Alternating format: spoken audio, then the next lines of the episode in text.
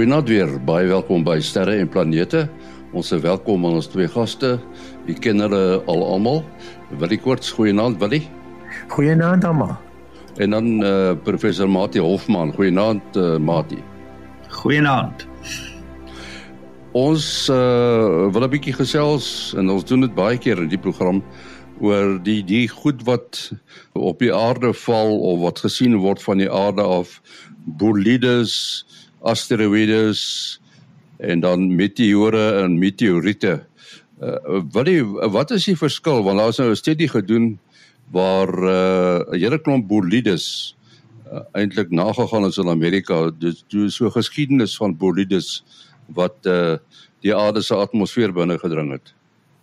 Ja, so so vanaand begin die die die wat in sommige in die volksmond bekend staan as 'n verskietende ster. Uh as jy nou daar in 'n lekker donker plek op jou rug gaan lê as die maan lekker donker is, dan behoort jy binne 15-20 minute behoort jy 'n verskietende ster te sien. Baie mense het dit nog nooit gesien nie en dit is seker omdat hulle nie genoeg tyd onder 'n donker naghemel spandeer nie. Die die gewone verskietende sterre is dan in enige rigting sal hulle dan kom en uh, dis omtrent so 4-5 uur is hulle frekwensie waarteen hulle gewoonlik sigbaar is en 'n inval in die nag en uh, dit is dan soos ek sê in enige rigting. Eintlik 'n dingetjie wat dit is is maar gewoonlik so ergens tussen 'n sandkorreltjie en 'n ertjie uh, 'n stukkie ruimterommel wat nou nou nie mensgemaak nie maar 'n uh, uh, natuurlike ruimterommel oorblyfsels van die vorming van die sonnestelsel wat maar die wêreld vol nog rondvlieg en dan die atmosfeer inkom hulle brand gewoonlik so 'n omgewing van 60 km of so bo in die atmosfeer hier reeds uit.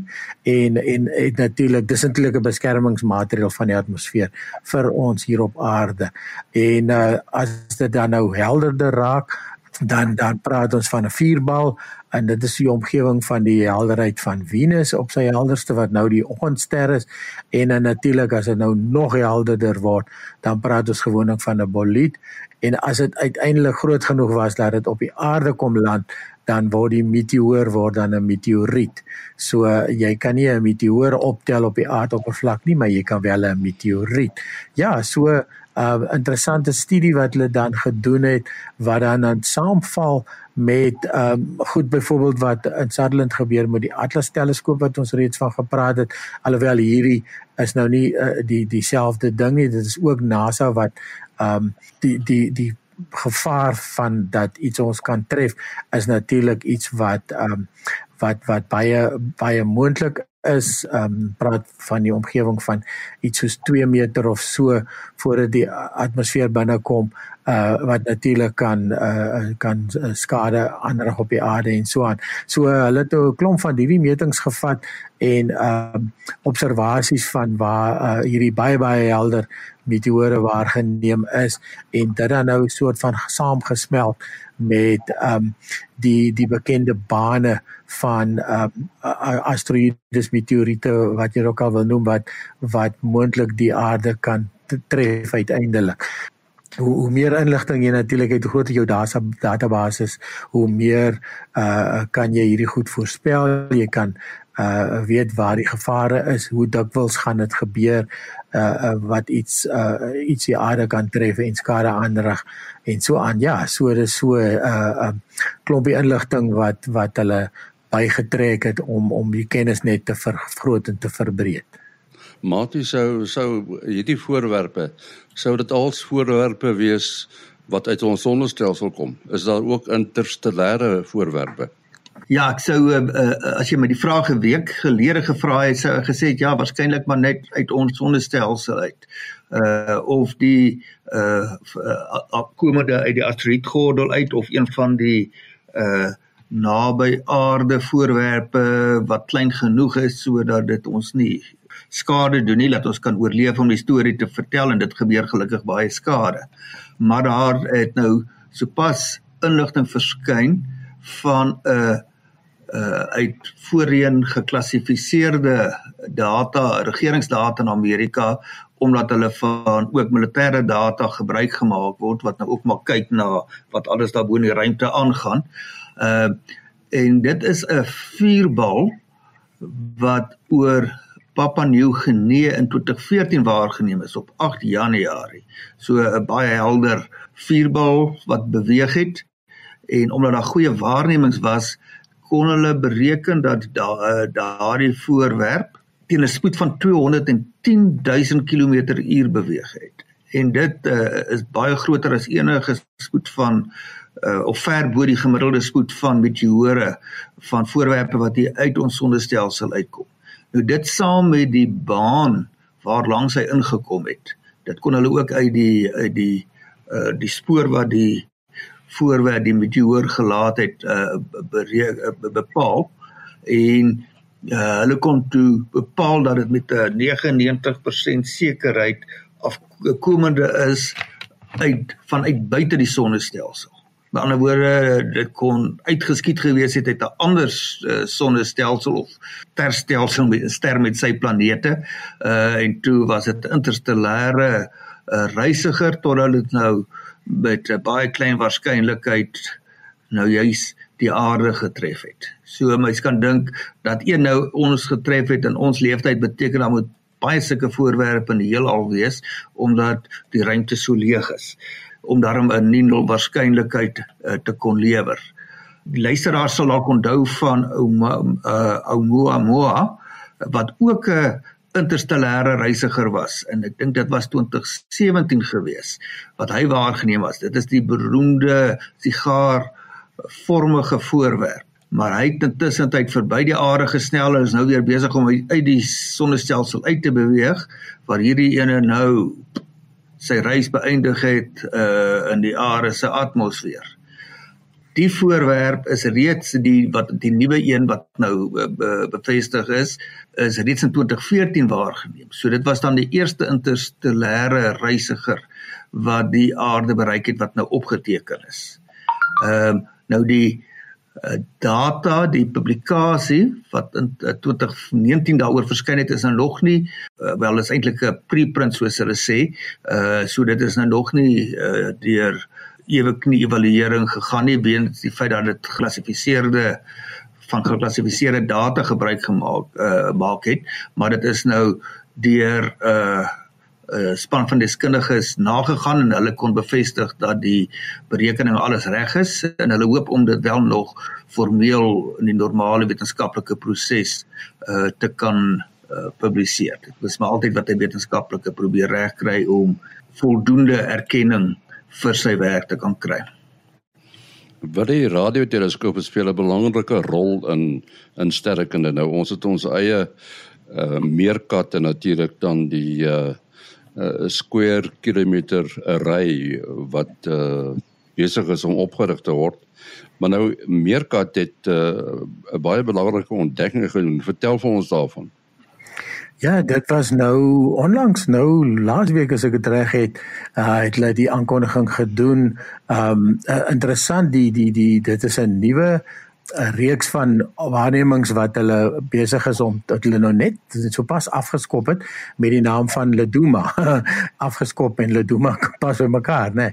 en ehm um, so die, die Leduma staan vir looking at the distant universe with a meerkat array so 'n uh, oulike 'n oulike af, afkortingkie en wat hulle spesifiek kyk hulle kyk in 'n spesifieke golflengte waar, waar die die OH so dit is suurstof en en waterstof molekules wat wat die twee aan mekaar wat, wat hulle noem hydroksiel molekules. Ehm um, en uh, dit is uh, dit het spesifieke amper amper 'n vingerafdruk as jy dit so wil stel wat dan baie mooi deur die, die 18 cm golflengte van van van meerkat uh, baie baie mooi werk. En um en die uh die die ontdekking wat hulle nou gemaak het is um die, die is 'n sogenaamde mega maser of 'n uh, uh, mega maser nou in Engels. Uh, die mega die aard van die staak uh, is staan nou verby en en maser uh, is nou ons ken miskien laser of laser ken ons beter en 'n laser lig kom natuurlik ook uh, natuurlik voor en ons het nou net teestaan natuurlik allerlei slim goedjies wat ons moet laser lig aanvang en wat dit beteken is dat die lig is presies in fase sodat die lig st straal beweeg nie so vreeslik uit mekaar uit soos wat gewone uh, uh, uh, as jy met 'n flitslig skyn nie. Nou lei nou uh, laser staan vir light amplification by stimulated emission of radiation en en maser staan natuurlik nou vir microwave amplification by stimulated emission of radiation. En wat dit gebeur wat hier gebeur is dat wanneer twee galaksies saamsmelt, twee uh um, sterrestelsels uh saamsmelt en en bots eintlik. Um dan uh, uh, is hulle geduig om om hierdie maserlig of maser uh, uh, uitstraling dan nou. Dit is nie lig nie want dit is in die in die in die um in die in die radiogolflengtes. Um word dit word dit uitgestraal. En ehm um, wat nou eintlik interessant was is dat die Leduma projek het so, so pas afgeskop en hulle het al hulle eerste noem dit nou maar groot ontdekking gedoen. Ehm um, so dit word ehm um, die die deur uh, UWC die Universiteit uh, van Weskaap en dan ook um, by UCT uh um, is daar 'n uh, uh, stelsel met die of 'n 'n klomp wetenskaplike wat saamwerk wat hulle noem die Inter University Institute of Data Incentive Intensive Astronomy of, of IDI uh wat dan nog gedoen word. En um ja so baie baie uh um uh, opwindend om so vroeg in die projek al uh, so groot ontdekking te gaan gemaak het. En dan natuurlik een van die eerste resultate hiervan is dat hulle het vermoed dat in die in die verlede het het hierdie tipe goeters meer gebeur. Nou uh skielik Meerkat omdat Meerkat nou al klaar 46 skottels het kan as uh, Meerkat natuurlik baie baie dowwer goed waarneem wat in die hart van die saak baie dieper in die ruimte in lê wat beteken jy kyk baie verder terug in tyd. So baie baie lekker afskop vir uh, vir die projek en en weer eens uh um 10 uit 10 vir vir Meerkat wat wat wat wys waar waar dit in staat is en natuurlik ons lippe begin aflek vir wat die SKA die square uh, square kilometer array wat op dit duisend skottels uiteindelik gaan wees uh uh sal nog vir ons inhou.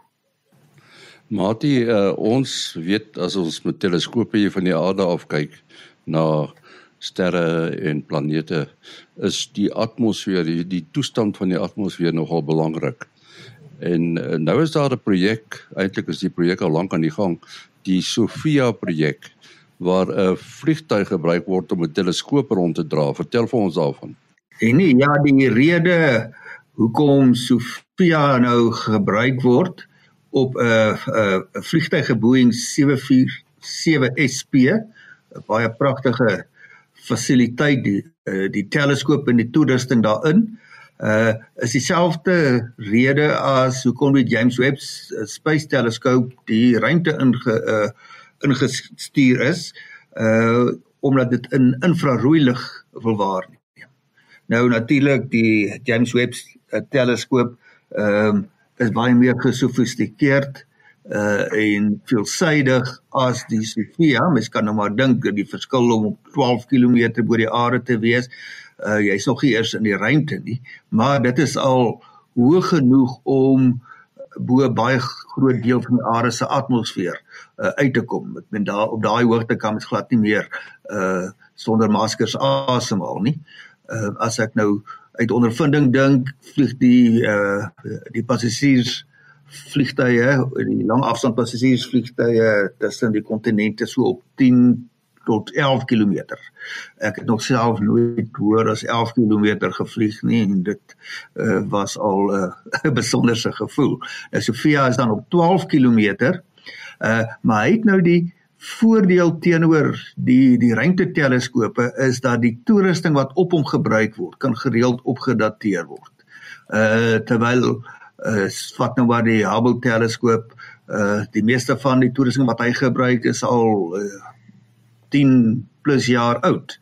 Uh van die instrumente kon kon vervang word in die geval van die James Webb uh Space Telescope sal dit waarskynlik nooit vervang kan word nie. En oor 10 jaar dan werk hulle met 10 jaar ou toerusting wat steeds baie goed is, maar dan sal daar al beter tegnologie beskikbaar wees. Uh nou kom ons kyk so 'n bietjie wat kan Sofia na kyk. Hulle stel veral belang om te gaan kyk na die gebiede waar sterre gevorm word die breedtrekke van daardie prosesse is is bekend, maar daar is baie verskillende stervormingsgebiede en daar groot verskille tussen wat in een so 'n stelsel teenoor 'n ander een ge, uh, gebeur kan word. Baie van die lig wat van sulke stelsels afkom omdat nou nog uh nie net klaargevormde sterre met plasma is wat jy nou in die optiese gebied kan bestudeer nie. Daar is nog baie materiaal wat nie in die sterre opgeneem is nie en nog 'n uh, uh, uh, redelik cool is wat mens daar kan verwys as 'n uh, klein uh, stofdeeltjies, soliede deeltjies wat uit uh, die swaarder elemente soos koolstof, suurstof en silikon bestaan. Nou op aarde beskou ons nou nie koolstof, suurstof en silikon as swaar elemente nie, maar in die buitenste ruimte is enigiets swaarder as die eerste element waterstof word al as 'n swaar element uh beskou. So in daardie stelsel sal jy nou kry uh molekulêre gas, uh waterstof, helium en dan nou uh hierdie stofdeeltjies. En hierdie stofdeeltjies uh word natuurlik nou tot 'n uh, relatief eh, wel party van hulle tot 'n relatiewe lae temperatuur dis dit ver van die ster af is uh verhit maar wat, wat hulle temperatuur nou ook al is dit gaan baie infrarooi lig uh uh uitstraal. En baie van die optiese lig gaan juist deur daardie in daai omstandighede waar daar nou baie van hierdie ruimtestof is geabsorbeer word terwyl dit nie die geval is met die infrarooi lig En wat ook interessant is dat van hierdie klein deeltjies as dit lig weer kaats, polariseer dit uh die lig. Dit kan dan onder daar dan gepolariseerde lig is, kan hulle 'n houvas kry op die magneetvelde in daardie stelsels. En wel, en dit is nie net van toepassing by waarnemings nou waar sterre gevorm word nie, maar ook na sterrestelsels, die galaksies.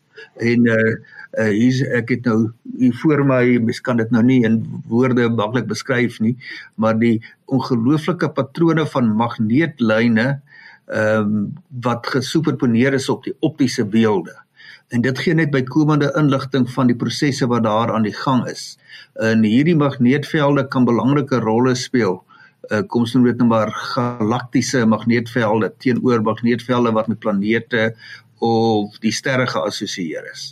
Uh, dit speel 'n bykomende belangrike rol in die astrofisiese prosesse wat in sulke galakties galaksies uh voorkom. Ja, so selfs in die in die nevels waar die sterre gevorm word, kan hierdie magneetveldlyne uh gesien word. En dit kan 'n kan 'n rol speel by die uh prosesse waardeur die materiaal wat rondom sterre uh wentel wat nou nog nie ingesluk is deur die ster nie, wel uiteindelik ehm um, kan inspiraal na die na die sterre toe. En uh, dit sal tipies sal die magneetlyne die pad waarlangs ehm um, gelaaide deeltjies wat nou wat mense nou gaan kry as die sterre uh die sterlig uh atome en molekules ioniseer. So dit gaan 'n belangrike effek hê in die dinamika van hoe daardie uh, materiaal veral die geioniseerde deel in daardie stelsels beweeg. Ja, ek kan miskien 'n bietjie byvoeg as as 'n as 'n as 'n tegnikus as 'n tegniese mens. Ehm um, was ek eintlik gefassineer deur deur Sofia toe ek eerste keer van dit gehoor het en die persoon by wie ek dit gehoor het was eintlik Dr Amanda uh, Siekefoes wat by ons een van die sterrekundiges was en sy was destyds met die Pluto uh New Horizons uh sending baie nou gemoeid geweest en terwyl New Horizons op pad was Pluto toe uh moes hulle redelik seker maak dat daar is nou nie nog maane of ringe om Pluto of sulke goed want die die die uh, ruimteskip het baie naby Pluto verbygevlieg. Eintlik tussen Pluto en Charon die maan van van Pluto deurgevlieg en tussen het hulle nog meer maane ontdek met hierdie tipe van goeters en um dan het sy die teleskoop baie gebruik of dan nou Sofia uh gebruik om um so sogenaamde okkultasies te meet. So wat dit uh, behels is wanneer Pluto voor 'n ster verby beweeg, dan uh gaan jy ergens op die aarde uh, uh, uh sit 'n ry teleskope op en jy kyk of die lig van die sterretjie nie dalk verdof net voor en net na Pluto oor die ster beweeg het nie. En dit sê dan vir jou of daar ringe of nog maane is en so aan. En ehm um, daarvoor is, is Sofia natuurlik wonderlik want jy kan Sofia enige plek na die aarde te stuur wat da, noem dit nou maar die skade weer van Pluto op die aarde gaan val. Uh dit wil sê waar die sterlig dan uh, opgeneem word. En ehm um, toe moes ek haar natuurlik invra want sy het van hierdie vlugte meegemaak op Sofia op die 747 747 nee. Uh in elk geval en uh, die die teleskoop self staan natuurlik in sy eie gedeelte van die vliegtyg en dan is daar 'n deur wat heeltemal oopmaak want ek het gewonder okay jy kan mos nou nie uh die deur oopmaak nie als gaan uitwaai en uh die daar's natuurlik baie baie uh, ontwerpwerk ingekom in hierdie area waar die vliegtyg um waar die teleskoop uitkyk en en sodat jy hulle die romp so gevorm dat jy nie um nie wind kry wat dan inwaai by hierdie gat nie. Ongelooflik om te dink uh, uh hoe hoe dit werk en dan um die traject wat die vliegtyg vlieg is natuurlik baie baie stil en reguit terwyl 'n observasie aan die gang kom en natuurlik presies 90 grade op die uh, posisie waar die teleskoop na kyk op daai stadium. So die teleskoop kan basies net op en af beweeg en die vliegtyg self se koers begee jou ander rigting. En dan is die, die teleskoop natuurlik baie goed gestabiliseer. Uh allerhande gyroskope en allerhande uh baie baie klomp uh, uh terugvoerlusse wat die die die die posisie van die teleskoop uh uh en die teleskoop natuurlik baie baie stil hou terwyl terwyl die vliegtyg vlieg. So ja, ongelooflike stuk uh inligting en en Sofia is al 'n hele klompie jaar oud en en doen doen nou nogal wonderlike werk en ontdekkings alreeds ja. Ja, Willie, uh, een van daardie uh okkultasie gebeure het uh het Amanda, sy was toe nog Galbus uh het sy vir ons gevra om hier van met die Boyden groot uh, 1.5 meter teleskoop ook daardie okkultasie te probeer waarneem en ons was toe op die regte plek en het baie goeie data tot daai spesifieke gebeurtenis uh kon bydra. Uh, nou moet ek sê nie as 'n mens vir vir vir Willie ken, dan ken jy iemand wat baie belangrike mense in sterrekunde ken en wat uh mense ken weet met van die beroemdste instrumente uh uh, meegewerk het. So ek dink met 'n ongelooflike ervaring gewees het om op daardie Sofia vlugte kon wees wanneer daai waarnemings ge, ge, uh, gemaak word. So dis nou een ding van die van die sterrekunde, dis nogal 'n avontuur uh, rustige beroep wat vir jou uh, wonderlike geleenthede gee. En maar kyk baie keer gaan daai wonderlike geleenthede ook met 'n mate van ontbering gepaard vir alles jy op baie koue plekke in die winter moet gaan waarnemings doen en daar kan jy sommer Sutherland ook insluit. ja, wil jy net, net kort ek om af te sluit. Jy onthou die storie wat die rondte gedoen het dat uh, Mars so groot soos die maan gaan wees. Dit was netlik fop nuus. Nou is daar weer 'n ander storie wat die rondte doen. Ja, die Mars storie het meer as 10 jaar met ons gewees. Ongelukkig is gelukkig is hy nou verby. Ja nee, daar's nou weer 'n nuwe storie. Uh en hy was selfs in Afrikaans vertaal en ons het luisteraars vraag daaroor gehad. Um en baie mense het al seker die WhatsApp gekry oor ek sien die Afrikaanse vertaling was selfs verkeerd gedoen. Dis die aphelion verskynsel. Uh dit moet eintlik aphelion wees. Aphelion is wanneer enige uh, uh, iets in 'n baan die uh, verste weg is en dan natuurlik perihelion is wanneer hy op sy naaste is. Nou ja, die ding het nou daar soveel foute in hierdie ding, mens weet nie waar om te begin nie. Die eerste groot fout hierso, hulle sê die son is lig, is 5 ligminute weg uh van die aarde af. Nou ja, dis eintlik 8 ligminute en uh dan sê hulle hier 90 miljoen kilometer. Nou ja, dis eintlik 93 miljoen myl. Uh dit is en dan maar dan sal hulle vreeslik gepla oor hierdie 152 miljoen kilometer wat die son nou gaan wegbeweeg en of die aarde van die son af en dit gaan 66% verder wees en uh, dan gaan ons 'n verskriklike ystydperk inkom. Nou ja, hulle moet eintlik nie vreeslik bekommerd wees nie want die werklike getalle is dat uh, die son op sy verste is um 100 uh, ja 152 152 miljoen kilometer en uh, en op sy naaste is hy 147 miljoen kilometer. Nou ja, dis 'n verskil van omtrent 5 miljoen so jy dog, ooh, dis 'n groot verskil. As jy dit uitwerk op die afstand na die son 150 miljoen kilometer, dan is dit net oor die 2%. So uh, soos ek sê, hier soveel soveel onwaarhede in hierdie in hierdie in hierdie stelling die verskil tussen die die as pas voor van die elliptiese baan van die van die aarde om die son soos ek sê is maar 2% en toevallig is ons op ons naaste in somer.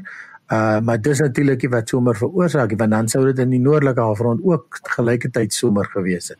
So dis natuurlik die kanteling van die aarde ja. So asseblief as jy hierdie uh uh, uh WhatsApp kry uh moet hom oh, moet hom asseblief nie verder in instuur nie aanstuur nie want dit is nou weer dit begin moet vandag uh om uh, 527 gaan dit gebeur.